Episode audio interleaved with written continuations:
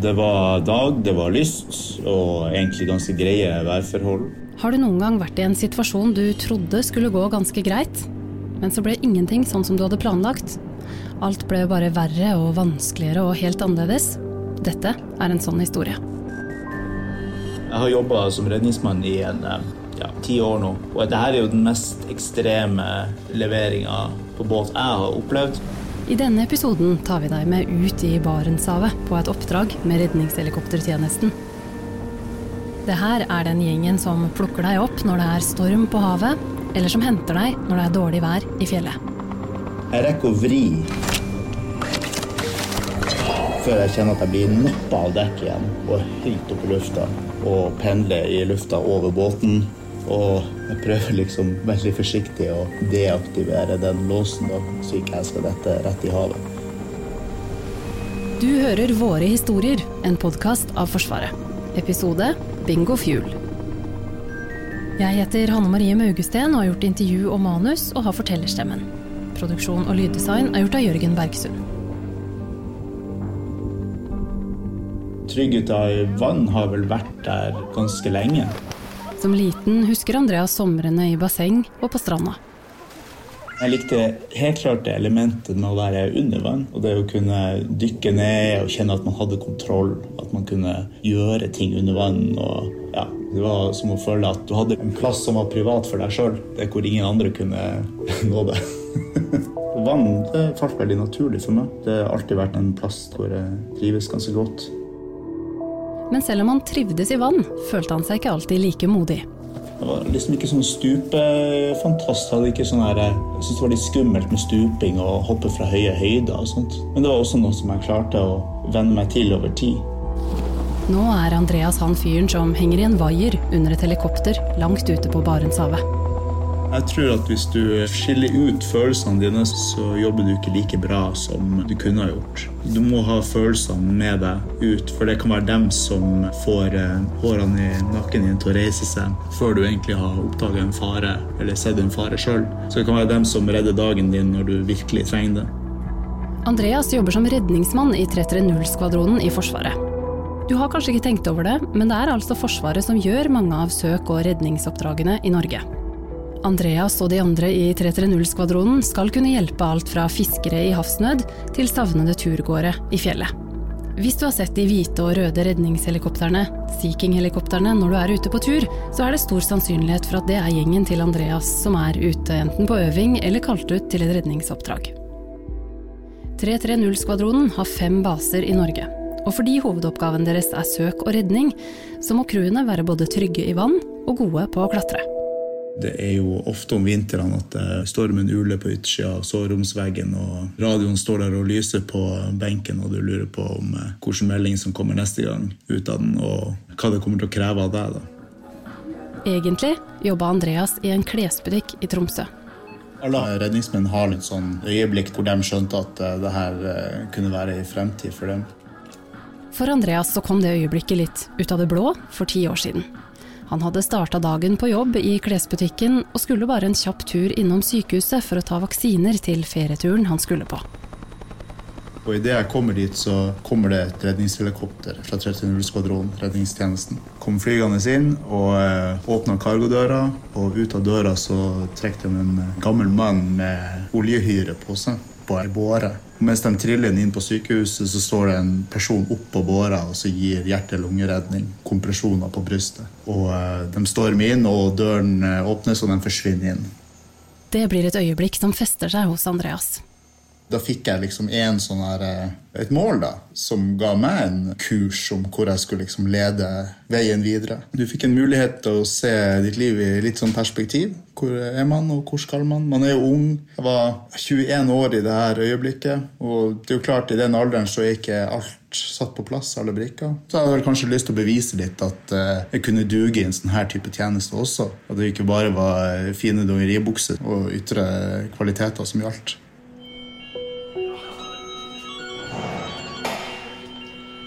Vi fikk et oppkall på radioen, en forespørsel fra HRS, Hovedredningssentralen, hvor de ba om bistand. Det er mai når alarmen går på basen på Banak. Banak ligger langt nord. Du skal nesten på toppen av norgeskartet. Et godt stykke utenfor Banak hviler det store, kalde og lunefulle Barentshavet. Det var dag, det var lyst og egentlig ganske greie værforhold. Så vi tenkte egentlig at det her skulle vi klare å løse ganske lett. Crewet til Andreas gjør seg klare. Vi har ganske mye værmessige utfordringer, særlig på den basen der hvor jeg jobber, på Banak i Finnmark. Og da må vi være på den sikre sida. Når de reiser ut på oppdrag, er de seks stykker i crewet. To flygere, en systemoperatør og en maskinist. Det er en lege og en redningsmann. Samholdet dem imellom er helt spesielt. Fordi forholdene de reiser ut i er så krevende og tøffe, har de noen helt egne regler seg imellom. Mer om det senere. Når vi drar utover havet, så ser vi jo at bølgene virker kanskje litt heftigere. At været er litt mer røft enn det vi trodde innledningsvis. Og i dette tilfellet så, så vi at sjøen kunne bli en utfordring. Barentshavet. Enormt og lunefullt. Her møtes varm og kald luft og danner polare lavtrykk. Dårlig sikt, kraftig regnvær. Ising, tåke, snøkav, storm og orkan. Overraskende uvær er mer vanlig her enn f.eks. i Nordsjøen. Og så er bølgene litt annerledes. Barentshavet er jo ganske stort. Det er ikke så veldig dypt. Og det at det ikke er så dypt, gjør at bølgene kan bli litt sånn krapp. At det er litt kort mellom hver bølge av og til. Så det er litt sånn lumsk havområde. De er den gjengen som reiser ut når andre reiser inn og hjem.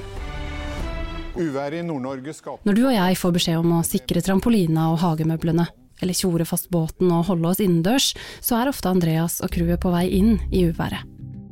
Så vet vi jo at eh, selv om det er risiko med det å dra ut i det harde været, så er det jo, det er jo derfor vi er der. Så det føles litt sånn godt å kunne være de som må gjøre det. Det tror jeg ligger ganske dypt inni mennesker. Det er jo godt å hjelpe, da. Det er jo i lønn i det òg.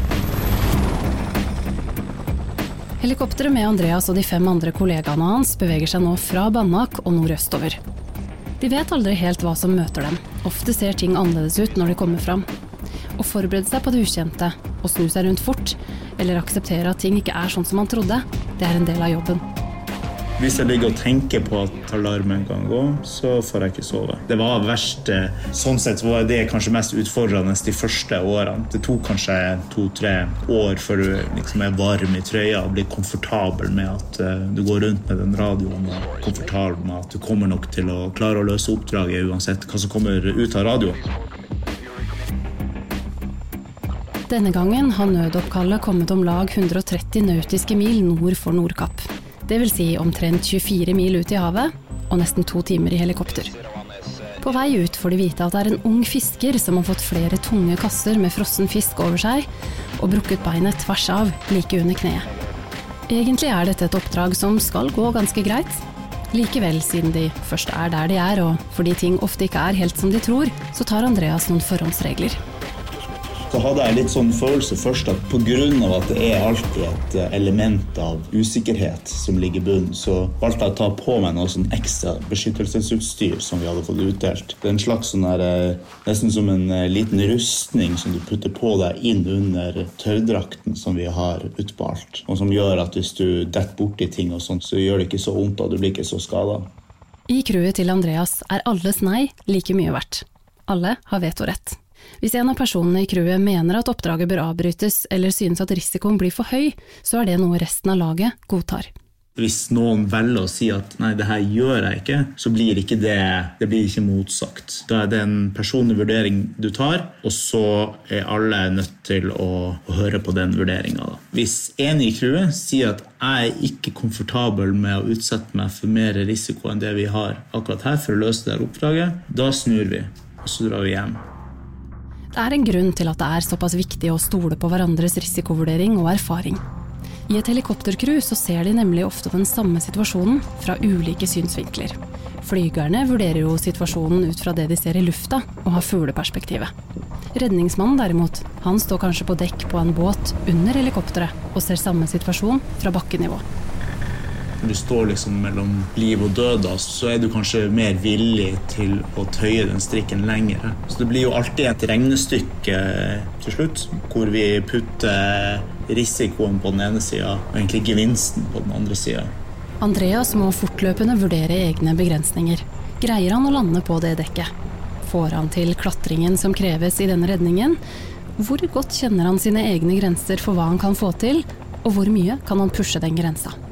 I begynnelsen, de første årene, så var det jo liksom eh, Ja, det var jo tøft. Det var jo hardrock, liksom. Når det virkelig var eh, høy sjø, eller det svingte og det var mye vind, så var det jo artig. Men etter hvert som du har begynt å bli voksen og fått barn sjøl, og plutselig så er det mer enn vekta deg sjøl som henger i den vaieren, så har det liksom kommet til et nivå der hvor enten så er man innafor, eller så er man utafor. Og du kjenner det med en gang at uh, ok, nå er det på et nivå der hvor jeg ikke har kontroll lenger til å gjøre oppdraget. Og da har vi jo muligheten til å avbryte det og si ifra. Langt der ute i Barentshavet får de øye på fiskebåten. Når vi kommer frem til båten, så blir det klart med oss med en gang at det her blir en mye mer utfordrende operasjon enn det vi har forutsett.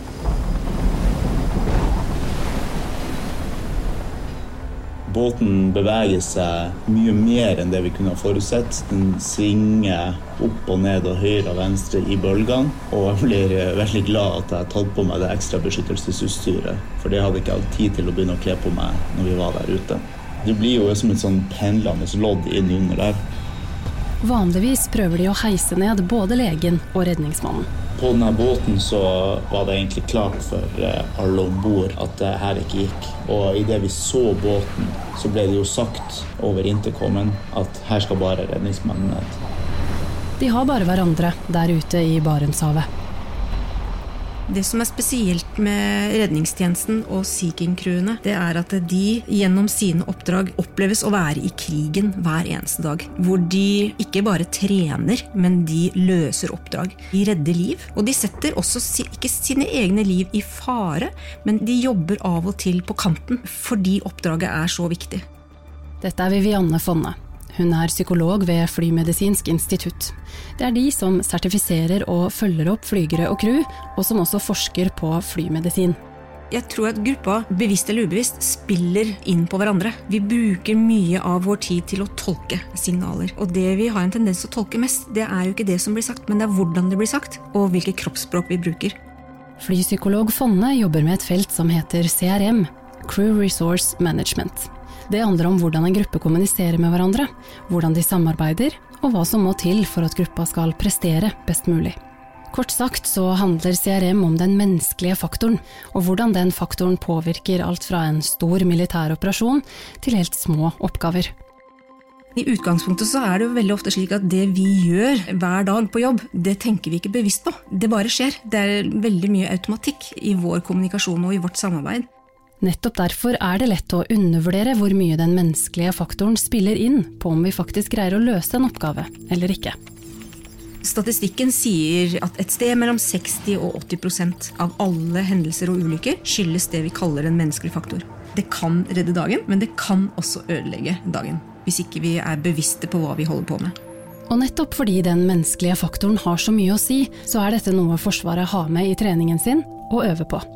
Man tror jo at man er veldig tydelig selv, men det er først når du ser det på film, eller blir forklart det etterpå, eller hører seg selv på lydopptak, at man stusser litt. Eh, var det virkelig meg? Var det sånn jeg ble oppfattet? Å kommunisere godt handler ikke bare om å ha et hyggelig arbeidsmiljø. For crewet til Andreas har kommunikasjonen også et sikkerhetsaspekt ved seg. Derfor er den menneskelige faktoren, styrker og svakheter i gruppa, noe som også tas med som et eget element i brifene de går igjennom før oppdrag. Det å være litt tydelig på hvor har vi folka i dag, på forhånd. Det gir oss en ekstra mulighet til å kunne steppe opp, bruke ekstra ressurser hvis det trengs. Og er det noe vi gjør, så er det å stille opp for hverandre ved behov. Men da må vi vite at det er et behov der.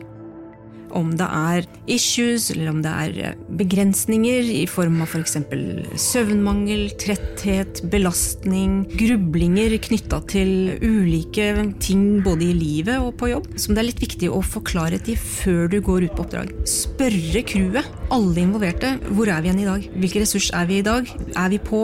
Påminner på at eh, ja, hvis jeg kjenner meg litt slack, så skal jeg gjennomføre oppdraget, men kanskje vi skal tenke sikkerhet. Kanskje vi skal øke sikkerhetsmarginen, kanskje vi ikke skal ta med så mange events på oppdraget. Kanskje det innebærer at de andre i crewet er litt mer påpasselige og step up, spille hverandre gode. I helikopteret som nå hovrer over fiskebåten, gjør Andreas seg klar til å skulle bli heist ned. Foran ham sitter fartøysjefen, han som flyr helikopteret, og andreflygeren.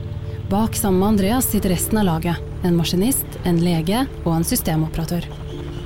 Været har dratt seg til. Når Andreas nå kikker ut av helikopteret, så er det seks meter høye bølger, og det blåser liten storm. Gjøre en sambandssjekk, sjekke hjelm, sjekke at man har hansker, sjekke at man er polstra, sjekke at man har en ekstra kniv så man kan kutte line eller tau hvis man skal henge seg opp i noe. Få med meg smertestillende i ei lita lomme har på flytevesten jeg har på meg, fra legen. Og så nål og litt sånn utstyr til å legge inn en venekanyl inn i venene for å kunne gi smertestillende nede på båten. I tilfelle han ikke skulle være smertestilt. Og så ser maskinisten over alt utstyret jeg har på meg og gjør en makkersjekk av meg. Makkersjekk er vanlig i Forsvaret. Kort sagt betyr det at du passer på kollegaen din. En makkersjekk handler om sikkerhet, at man f.eks. sjekker at hverandres utstyr er i orden, nettopp fordi det er lett å gjøre feil. Så du ser ikke alltid at du gjør en feil selv. selvfølgelig. De fleste feil vi gjør, skjer ubevisst. Så det å ha en kollega som kan fange det opp, og som kan bidra til å rette det opp ved å si fra og spille deg god, det er en forutsetning for at du skal prestere. Så du er avhengig av kollegaen din. Skal du hoppe i fallskjerm eller gjøre som Andreas nå skal, og heise seg ut av et helikopter i liten storm, så er det greit at alle stropper er festa riktig. Andreas venter derfor til maskinisten har sett over alt han har på seg, og gir ham tommel opp. Ja, han svinger meg ut døra. Med en gang så treffer den fuellukta fra motorene ned som kommer over deg. da. Så Du får en sånn varm eksosstråle over deg egentlig når du kommer ut der. Og snur meg ned og ser på båten, og båten valser i bølgene frem og tilbake. Den går liksom ikke rett frem, det er veldig mye bevegelse. Og nå skulle man kanskje tro at det er det iskalde vannet eller de høye bølgene som er det største risikoelementet. Men når crewet heiser ned Andreas fra helikopteret, så er det veldig mye annet som kan være farlig.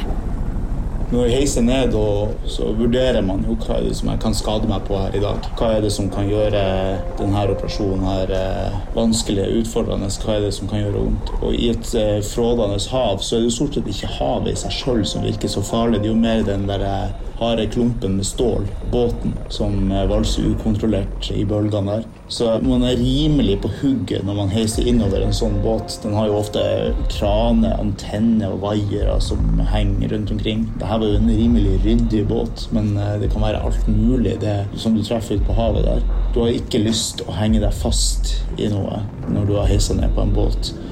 Hekter du deg fast i noe på båten mens du fremdeles er festa i et helikopter som beveger seg, ja, da ryker som oftest armen før stålvaieren. Og Andreas styrer ikke vaieren han henger i selv. Det er det kollegaene oppe i helikopteret som gjør.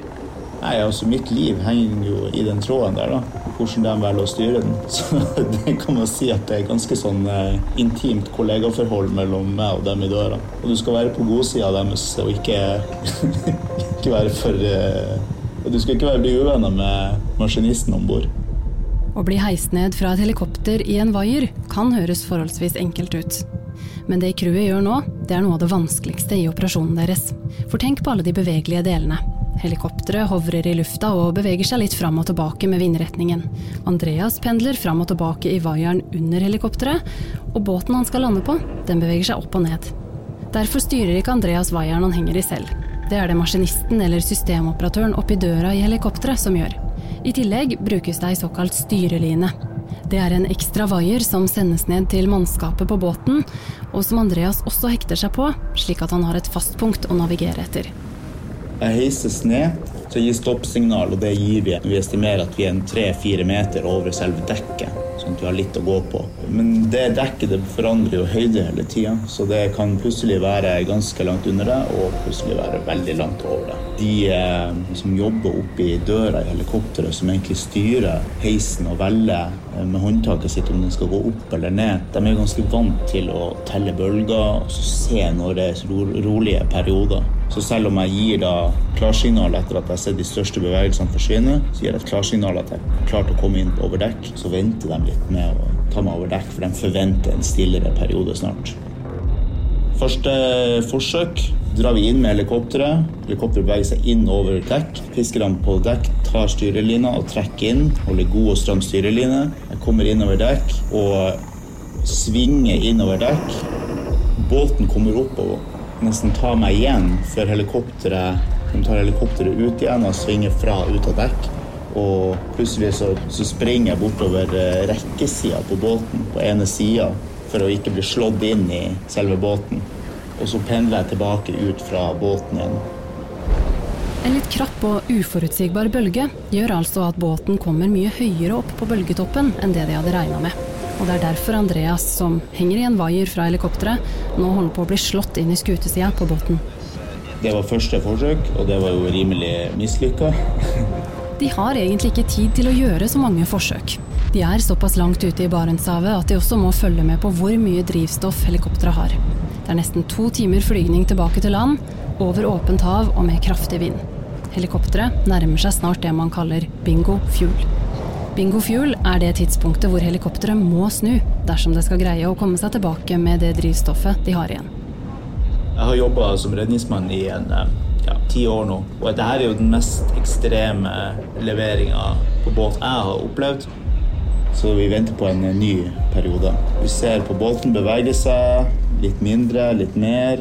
Forventer en stille periode. Prøver igjen og så setter meg inn. Vi kommer nærmere og nærmere båten. Virker som det her går helt fint. Andreas seiler i vaieren innover det lille området helt bakerst på båten som de har sett seg ut. Det stedet på båten hvor det er ryddigst og færrest ting å hekte seg fast i. Og jeg kjenner at dekket berører fotsålene mine. Vaieren som Andreas heiser seg ned fra helikopteret i, har en quick release-lås. En mekanisme som gjør at han kan vri og deretter aktivere, slik at han kan løsne seg selv når han har landet trygt på dekk. Han må altså bare vri og aktivere for å slippe seg av vaieren. Jeg rekker å vri før jeg kjenner at jeg blir nappa av dekk igjen og høyt opp i lufta og pendler i lufta over båten. Fær tilbake igjen i hoverhelikopteret bort fra båten. Og jeg prøver liksom veldig forsiktig å deaktivere den låsen, da, så ikke jeg skal dette rett i havet. Og mens han nå henger under helikopteret og forsøker å sikre låsen på vaieren han henger i, så ryker styrelina mellom fiskebåten og helikopteret. Styrelina er den han bruker for å styre seg ned med. Men det fører til at jeg egentlig pendler inn under helikopteret og har ikke den styrelina, livlina der til båten, og må opp igjen og bytte til ny styreline. Kommer opp i døra igjen. De lurer opp i døra om det går bra. Maskinisten og systemoperatøren i helikopteret så hvordan Andreas nesten smalt inn i skutesida på første forsøk. De to sammen i døra teller bølger, og de har jo et veldig stort ansvar. Og jeg tror de kjenner på det av og til, for det, det er noe annet å levere dødvekt enn å levere en, bare ikke en person, men også en kollega som henger i en krok der nede. Og på andre forsøk kjente de nok litt ekstra på det når Andreas ble nappa av dekk med låsen i vaieren halvveis deaktivert. Ja, når jeg kom opp i døra, så gir de meg egentlig en tommel med et spørrende blikk for å se om det her er greit for meg. Og da har jeg også faktisk en mulighet til å bruke tommelen min på å si at det ikke er greit, eh, og kanskje avbryte det hele. Hvis jeg hadde sett at det her ikke lar seg gjøre, eller at jeg tør faktisk ikke mer, jeg tør ikke å utsette meg for denne risikoen, du ønsker jo å hjelpe. Det er jo vi som er ansatt til å hente ut de her personene i de her tilfellene. Og det er jo ingen andre som kan gjøre det. Og da er det veldig Altså, det ligger djupt inne å si at eh, nei, vi, vi kan ikke hente deg fordi at eh, ja, det er for vanskelig å, å løse oppdraget. Og det å kansellere totalt, det tror jeg aldri har opplevd. Det er alltid sånn at vi prøver å finne løsninger, at vi kan senke risikoen og gjøre det på en annen måte. I dette tilfellet kanskje man kunne ha venta litt, eller uh, venta til båten f.eks. kom nærmere land. Eh, man kan alltid gjøre sånne vurderinger for å klare å løse oppdraget. Kanskje ikke like tidseffektivt, men at man slipper i hvert fall å kansellere den. For fiskerne der ute som er ute på feltet og jobber, så tror jeg det er veldig godt å vite i bakhånd at, at vi har den tankegangen, og at vi presser hardt frem for å få hente dem ut hvis de trenger oss. Andreas tenker på fiskeren nede på båten, han som har knekt foten tvers av, og har lyst til å gi det et nytt forsøk. Jeg tenker at eh, det har gått bra hittil. Jeg har ikke slått meg, jeg var ikke for skremt av det jeg har sett, selv om det er utfordrende. Og så må jo de gjøre også en vurdering at selv om jeg tenker at eh, jeg er happy, det går greit for meg å fortsette, så må de også gjøre vurdering om, om de klarer det. Er de fornøyd med å fortsette? Dette var rutinerte folk som har jobba i årrekke. Så jeg hadde ikke min tvil når jeg satte min lit til deres kunnskaper om å løse det her. Og de var villige til å prøve. Så den kombinasjonen gjorde jo at vi klarte å få meg ned, og det er jo alltid det som er nøkkelen. Crewet leverer ned en ny styreline til båten. Vi heiser ned igjen og bruker tid på å time og finne det rette tidspunktet til å sette meg inn. De oppi døra har eh, fått prøvd seg et par ganger nå. Prøvd og feila, lært av det, og finne et tidsrom det passer bra. Den klarer å sette ned på dekk, klarer å deaktivere eller armere denne quick-releasen og trykke på den, sånn at jeg er av kroken, og sender bort kroken. Og da er jeg på båten. Og herfra skulle det jo være ganske enkelt, men det her er en sånn dag og et sånt oppdrag hvor ingenting går som planlagt når jeg kobler fra kroken og slipper kroken av dekk med styrelina, så får du en sånn her uh, utrolig tilfredsstillende følelse. Selv om ikke oppdraget er løst, selv om det bare første del er utført, så er det en skikkelig sånn godfølelse når du kjenner grunnen under føttene dine, eller ikke grunnen, men, men dekket på båten i dette tilfellet. Men de tre forsøkene på å komme seg om bord i båten har tatt på. Så er det sånne små øyeblikk underveis der hvor det går opp for deg at det renner nesten svette av haka di. Det drypper ikke lenger. Det renner. Og eh, den våtdrakten som er helt tett, som du har på deg, du er helt søkkvåt inni den, kjenner du. Og eh, blodåren på hendene dine strutter, og eh, du må bevege blikket ditt mye mer, for blikket blir innsnevra. Det blir sånne små øyeblikk der hvor du blir var at du er ganske Systemet ditt er ganske pressa. Helikopteret hovrer nå over båtdekket Andreas står på og båten den valser opp og ned og fram og tilbake i bølgene. Det er så mye adrenalin. Og så lærer du å gjenkjenne det her adrenalinsystemet. Det er helt utrolig. Altså, adrenalin kan jo deg, eh, gjøre at du blir stressa, at du ikke klarer å takle situasjoner, og at du gjør dumme valg og ikke klarer å gjøre gode vurderinger. Men hvis du lærer deg å gjenkjenne den her eh, adrenalin, så kan jo gi deg litt overtak også. Når vi trener såpass mange ganger på det vi gjør her, så bruker man det lille rushet adrenalin til å bruke blikket, bruke hendene, være aktiv i posisjonen sin til å kunne eh, unngå skade og, og gjøre det på best mulig måte. Andreas har ei stor klokke på armen. Den har han satt til å telle ned til bingo fuel, hvor mye tid han har på seg før helikopteret må dra.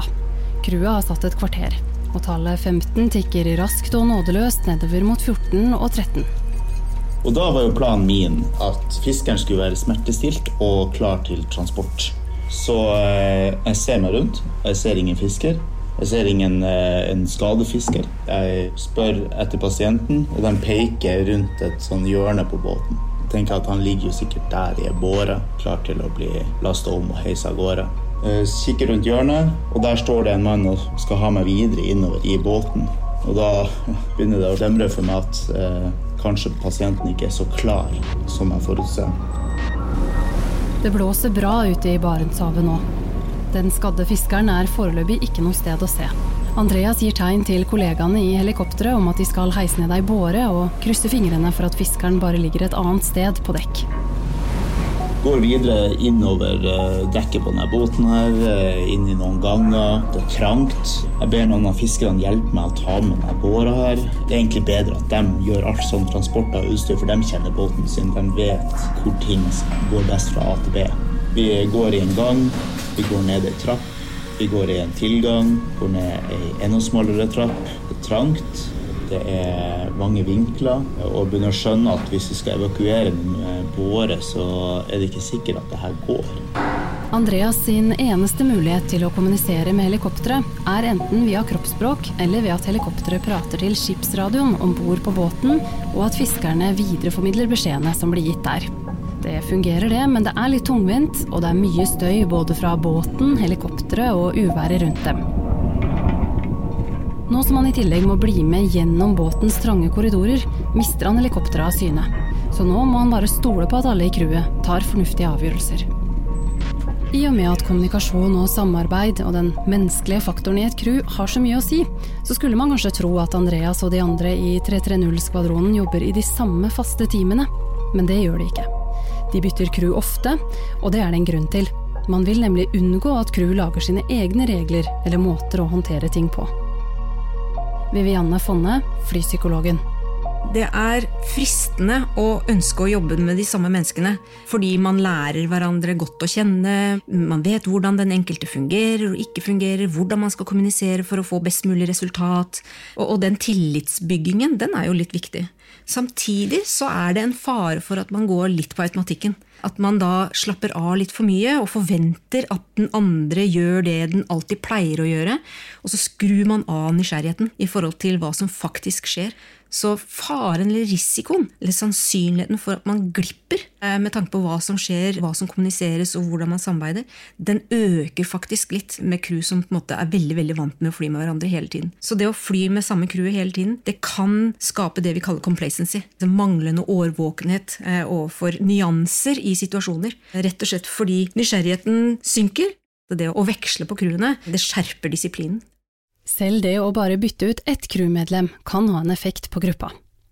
Det man ser når man bytter et crewmedlem, eller man bytter ut en medarbeider, så har det en effekt på teamet. I ikke-sikkerhetskritiske situasjoner så kan man se i startfasen kanskje en tilbøyelighet til litt lavere prestasjon. Fordi man er usikker på hvem man har i crewet, hva de står for, eller altså for den saks skyld på jobben. Hvem er denne medarbeideren? Hvilke ressurser har vedkommende? Hvordan kommuniserer vedkommende? Hvordan samarbeider vedkommende? Hvordan skal jeg forholde meg til den personen? Så den usikkerheten med å tilføre et nytt medlem, det resulterer i at man i en fase kanskje også er litt mer usikker, man vet ikke helt hva man kan forvente, og prestasjonen kan synke noe, da. Og det er derfor rollene og ansvarsfordelingen er så viktig. I et crew så er de så regelfesta. De har så klare regler og prosedyrer for hvordan de skal forholde seg til hverandre under et oppdrag, at det ikke nødvendigvis utgjør et problem. Ute i Barentshavet tikker klokka på armen til Andreas stadig nedover og nærmere Bingo Fuel. Helikopteret hovrer over båten. Ulempen ved å hovre er at man bruker mer drivstoff, og det er ikke noe de har for mye av. Kollegaene til Andreas forsøker derfor fortløpende å legge helikopteret på riktig side av den skiftende vinden, og bruke vinden til sin fordel. Parallelt gjør de nye beregninger på Bingo Fuel for å kjøpe mer tid til Andreas, som de nå ikke ser, men som de skjønner at har fått en vanskeligere jobb enn forventa nede på fiskebåten. Andreas følger etter fiskerne gjennom de trange korridorene i fiskebåten, uten samband. Han håper at de snart finner fiskeren. Vi kommer ganske dypt ned inn i båten, og der finner fiskeren De har lagt han på en madrass inn på det lagerrommet, og han ligger der og Nederst i båten ligger han. Fiskeren er en ganske ung fyr, og skaden ser ikke bra ut. På denne madrassen så ligger det en fisker som helt klart ikke er smertestilt. Han har det veldig vondt. Jeg ser en fot, en legg, som har en skjevstilling, at den, den, ikke ser ut sånn som den skal se ut. Helt tydelig brudd. Og eh, jeg kjenner at jeg har ganske høy puls sjøl også, og, og, det renner svette av meg. Det er ganske krevende eh, fysisk, akkurat dette oppdraget, pga. at det er så mange variabler du skal ta stilling til og hensyn til underveis. Og nå fikk jeg en til variabel som jeg helt klart ikke hadde lyst. Det at han hadde så store smerter. Dersom du skal jobbe som redningsmann i Forsvaret, så må du ha sivil sykepleierutdannelse eller fagbrev i ambulansefaget. Andreas utdanna seg derfor til sykepleier før han søkte Forsvaret. Når han nå ser fiskeren, så er han glad for at han rakk å ta med seg litt ekstra smertestillende i ei lomme på drakta. Vanligvis så vil han jo ha med seg en anestesilege, men siden forholdene er så vanskelige, så er legen nå igjen oppe i helikopteret. Smerter er noe man ikke ønsker. Men det er noe man blir litt vant til, at enkelte oppdrag må man løse kanskje med smerter. Så vi jobber, vi tilstreber hele tida å ikke påføre folk mer smerte enn nødvendig. og også smertestille de smertene som vi kan klare. da. Det blir alltid en vurdering så må man ta løpende på hvor langt man kan trekke denne strikken. Via radioen på båten får Andreas beskjed av helikopteret om at han må skynde seg. De er i ferd med å nærme seg Bingo Fuel, og kan komme til å måtte dra uten Andreas og fiskeren. Så jeg får igjen gode hjelpere på båten. Får dem til å organisere dem, og så får de til å hjelpe meg å få denne pasienten over i båra. Det er ei sånn eh, stålbåre som er ganske beskyttende rundt. Den går opp langs kantene, så den beskytter pasienten selv om man skal dunke borti ting. og sånn. Den har også et stort flyteelement på seg. Det må jeg fjerne, for jeg tenker at det kan være litt mer strømlinjeforma hvis vi skal ta den eh, gjennom trange smug og vinkler på trappa. Vi får pasienten oppi. Han roper fortsatt av smerte. Han har vondt, men jeg har ikke mer smertestillende å gi han. Og så har vi dårlig tid. Så hvis vi skal ha han av båten, så er det nå eller om veldig lang tid. Og nå kommer Andreas til det øyeblikket hvor han skjønner at det kanskje ikke kommer til å gå. Det er umulig å få pasienten ut samme vei som han kom inn. Stropper han fast, og eh, på dette tidspunktet blir det Ja, det går opp for meg at vi ikke kommer til å klare å få han opp alle de trappene og alle de trange gangene der i tide. Og så er det sånn øyeblikk der hvor mitt blikk møter hans. Jeg ser at han er engstelig. Jeg ser på klokka. Jeg ser at det er dårlig tid. Jeg ser tilbake på den veien jeg kom fra, og forstår at dit kan jeg jo ikke gå. Det kommer til å ta for mye tid. Og jeg begynner å bli ganske rådvill fordi at han er fortsatt eh, skada. Han er fortsatt har store smerter. Jeg har fortsatt dårlig tid. Jeg har ingen utvei. I øyeblikket er jeg fanga nede i denne båten med pasienten. Jeg kan ikke få legen til å hjelpe meg. Det har jeg ikke tid til. Det er for høy risiko å få han ned. På basen i Banak er det gjerne fiskere som redningshelikoptertjenesten bistår oftest. Kanskje det er derfor det er et litt spesielt bånd mellom fiskerne i Barentshavet og redningshelikoptertjenesten. Andreas og de andre crewene i 330-skvadronen får ofte bruke fiskeskøytene til øvelser og trening, og da er gjerne tonen sånn at redningsmennene kaller dekket på båten for panser, eller sier høyre og venstre istedenfor babord og styrbord, bare for å erte fiskerne litt. Men fiskerne vet at får de problemer, så er det den gjengen fra 330 som kommer for å hjelpe dem. Når det er sagt, så er ikke fisking i Barentshavet for pyser, og fiskerne de ber ikke om hjelp med mindre de virkelig trenger det. De er en gjeng eh, folk som jobber under ganske harde forhold, eh, og det er dagliglivet deres. Jeg tror du blir litt hardhuda og tåler en del når du er på de båtene i flere uker om gangen ofte. Det gjelder nå også. Selv om kollegaene deres roper av smerte, så er fiskerne på båten gode hjelpere. Andreas spør om de vet om noen annen vei ut enn den trappa som de kom ned. Ja, de er ganske rolig, så de eh, peker litt sånn nonsjalant bort på og sa at det er jo ei heisesjakt opp til dekk, så jeg kan jo bruke den hvis jeg vil. Heissjakta er ikke så bred den heller. Den brukes til å få fisk eller utstyr opp og ned i båten. Men det kan kanskje gå? Det var jeg egentlig mest overraska med når jeg begynte i faget her som redningsmann. Det var hvor mye kreativ kompetanse du egentlig måtte ha.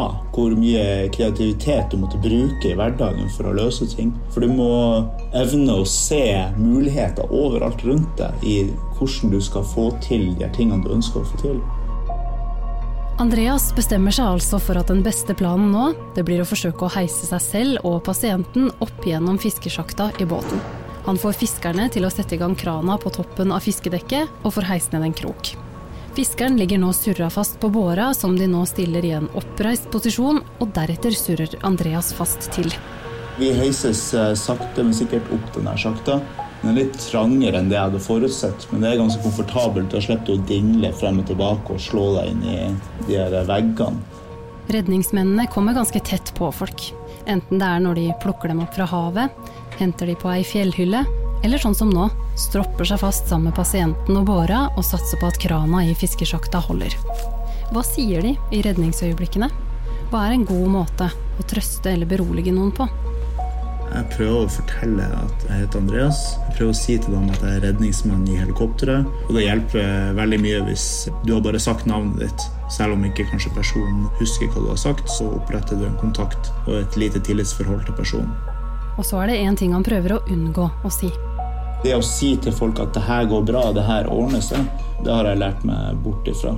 Andreas har nemlig funnet ut at det ikke hjelper så mye å si 'det her kommer til å gå bra'. Det er jo sånn man sier for å berolige folk, men som kan ha motsatt effekt. Tenk deg om selv. Hvis noen sier 'det her kommer til å gå bra', så tenker du kanskje 'ok, åssen vet du det'?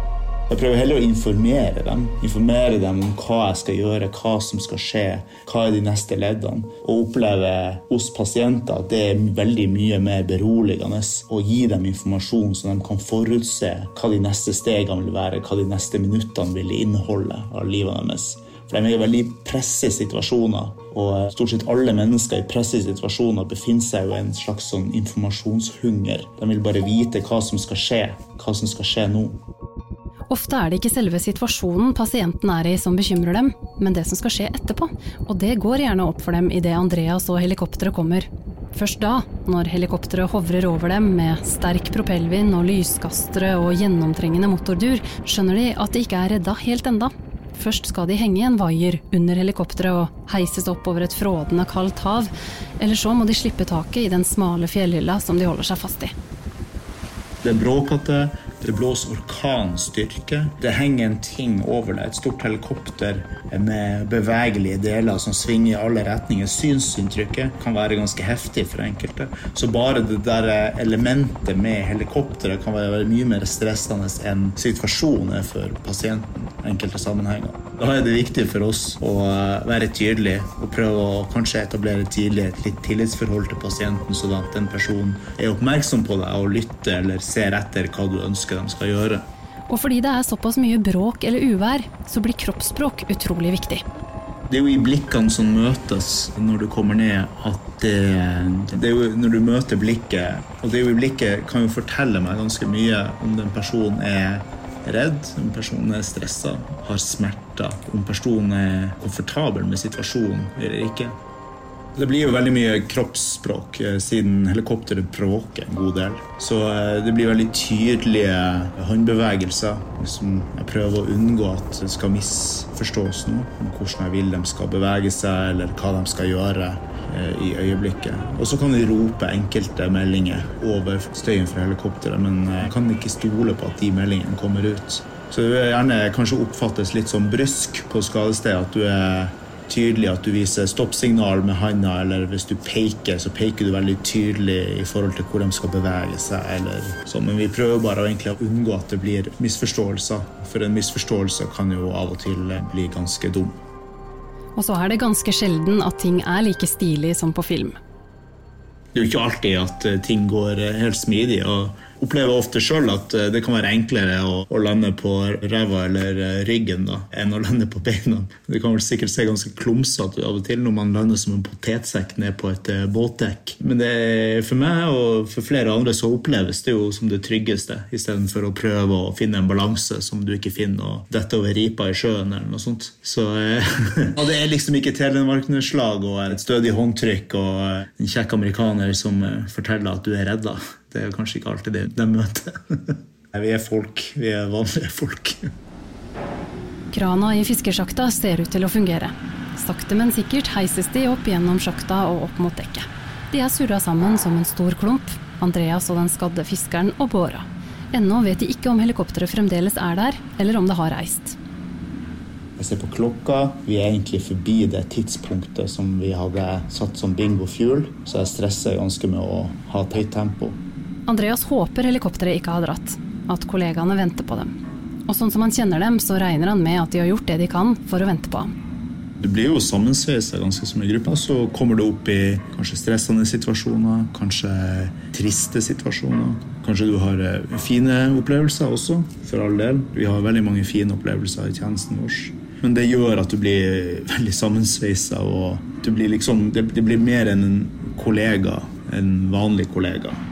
Andreas og den skadde fiskeren kommer seg opp gjennom den trange fiskesjakta. Og når de kommer opp på dekk, så er helikopteret der fremdeles. Vinden har gjort at helikopteret har greid å spare en del fuel ved å hele tiden ligge riktig i forhold til vindretningen. Andreas sender fiskeren opp på egen hånd først. Og det går bra. Så hekter han fast kroken på seg selv og heises opp til kollegaene. Og kommer inn i helikopteret og er helt pumpa. Så begynner jo den medisinske behandlinga. Og vanligvis assisterer jeg, men eh, jeg var så pumpa etter det oppdraget, så jeg måtte bare sette meg i setet mitt og fikk meg en sånn flaske med Farris som vi har med oss. Og styrta den og fikk pusta litt. Så alle er jo litt sånn sjokkert over at ting var så ekstremt annerledes enn det man hadde klart å fange opp av meldinger og alle de her kanalene vi har til å skaffe informasjon. Og det blir en litt egen stemning på debrifen denne dagen. Det blir jo litt sånn lattermildt, da, fordi at uh, man får en reaksjon på det man har vært igjennom. Særlig det her skiftet. Enorme taktskiftet fra å gå til å være en enkel dagligdags operasjon til å innse at det her kommer til å bli krevende for dem som sitter i helikopteret, i og med at de må holde tunga rett i munnen på fuel og beregninger, og ikke minst dem som skal levere meg i denne båten her, langt ute i Barentshavet i eh, ganske krevende forhold.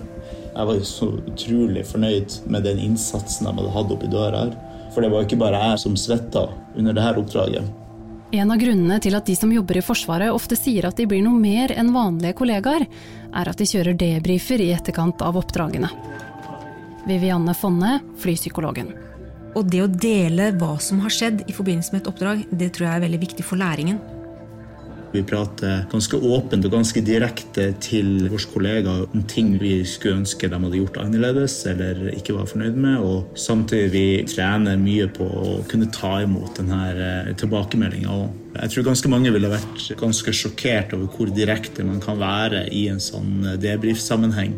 Og av og til så er det sikkert enkelte som kunne ønske man kunne prate like åpent hjemme som man gjør i en debrief, men det er forsøkt og ikke anbefalt. Ideen er at man skal dele etter et oppdrag både de rent taktisk operative delene av hva som skjedde, men også sørge for at man får frem opplevelsesaspektet. Men noen av de tøffeste oppdragene vi har, er jo kanskje relatert til barn. Og hvis du har tøffe oppdrag med barn, så er det jo enkelt at det er følelser du kan bære med deg over litt tid. Og det rommet, det vi åpner der, det gjør at du kan komme med de følelsene du hadde rundt et oppdrag, og så forteller du om det i gruppe. Og det gjør at du ikke får den reaksjonen kanskje to-tre dager etter oppdraget. Så etter vi er ferdig med den eh, debrief-session, så lukker vi det. på en måte, og så tenker vi, ok, Da er vi ferdig med det, og så prater vi videre om eh, været og nyheter og andre ting som interesserer oss, og fortsetter dagen vår. Det viktigste er å bygge tillit. Bygge selvtillit til egen mestring. Så man liksom kan bruke dette som en læringsarena, og ikke en arena hvor man gradvis blir mindre og mindre trygg på seg selv. Hvis du går fra en debrief og fortsatt er litt sånn muggen i humøret, så har du på en måte mislykkes litt med debrifen. For da må man spørre seg sjøl hvorfor er man dårlig humør, eller hvorfor er man sint på noen for noen har gjort noe. eller noe sånt. Dette er også sånn, et aspekt som man trenger trening på for å, å, lære seg. For det er ikke bare bare for alle å sette seg ned og være helt åpen for uh, kritikk mot din yrkesstolthet eller mot ditt yrke, mot ditt ego. Men det er veldig mye å hente i det. Fordi det din kollega sitter og sier til deg, det er jo egentlig en direkte omsorgshandling. Motivasjonen din kollega har i å si de her tingene, er jo at du skal gjøre en bedre jobb. At du skal kanskje gjøre en sikrere jobb. Og det er jo en ganske fin handling i seg sjøl. Det er en fine line, det er en balansegang mellom hva som tas imot som læring, og hva som blir kritikk. Der er jo folk forskjellige, avhengig av hvilken form og humør man er i. Noen dager tar man imot mer enn andre dager. Så det å bli kjent med seg selv, og hva som får en selv til å funke, det tror jeg er viktig. Og det er ikke gjort uh, i en håndvending. Den største øyeåpneren for meg det var jo det at det jeg hadde å si betydde også noe. Dine ord ble vektlagt på en veldig sånn Selv om man var fersk og ung, så var mitt perspektiv verdifullt. Og Derfor så ble du veldig eh, tidlig ganske var på hva du sa, og hvordan du sier ting, fordi at eh, folk lytter faktisk etter og tar vurderinger og beslutninger kanskje ut ifra hva du meddeler. Det blir ganske mange redningsøyeblikk i banken for crewet i 330. Andreas ser det for seg som en ryggsekk som han laster ting inn og ut av. Og noen ganger er sekken tung. Det gjelder bare å ikke bære for tungt. Når du har åpna opp for det, så eh, er det vanskelig å ikke la noen av det her eh, inntrykkene komme inn som en ekstra sånn stein i sekken din. Da. Og det er da vi har den der debrifen etterpå som er gull, for der kan du laste ut alt du har opplevd av kanskje følelsesmessige påkjenninger på et oppdrag. Så det er nesten som at det modnes på deg, og så kan eh, følelser, drømmer, tanker rundt det dukke opp i etterkant. Jeg har kjent på at sekken har blitt tungt å bære, men den har aldri blitt uhåndterlig, og jeg har alltid kunnet laste ut av den. Det er jo ikke bare en jobb for disse folka her. Det er jo en livsstil. De bøyer ryggen bakover for å få det til. Og det er en, det er en ærefull ting, og det står mye respekt av det. De gangene det går bra, de husker man jo spesielt godt. Det er jo ikke bare frykt og sorg og stressreaksjoner, det er jo også mye glede vi opplever. For meg så er det et helt naturlig følelsesregister hos mennesker som du møter der ute. Og det er ingen filter på det du møter, det er helt virkelige følelser. Og det syns jeg er veldig fint, egentlig. Selv om følelsene kan være veldig negative, så, så er det virkelighet der ute som, eh, som ikke er pynta på. I 2020 hadde 330-skvadronen totalt 1377 helikopteroppdrag. Over 600 av disse var søk- og redningsoppdrag. Og den unge fiskeren i denne historien, han ble fløyet til sykehus og operert. Redningshelikoptertjenesten er underlagt Justis- og beredskapsdepartementet, men det er Forsvaret som drifter helikoptrene og utfører oppdragene. Du har hørt Våre historier, en podkast av Forsvaret. Intervju, manus og fortellerstemme var ved Hanne Marie Maugesten. Produksjon og lyddesign er gjort av Jørgen Bergsund. Takk også til Truls Rakfjord, Tina B. Christensen, Line Bie, Torgeir Haugård, Hege Dyrhaug Mo og Anders Fjellestad.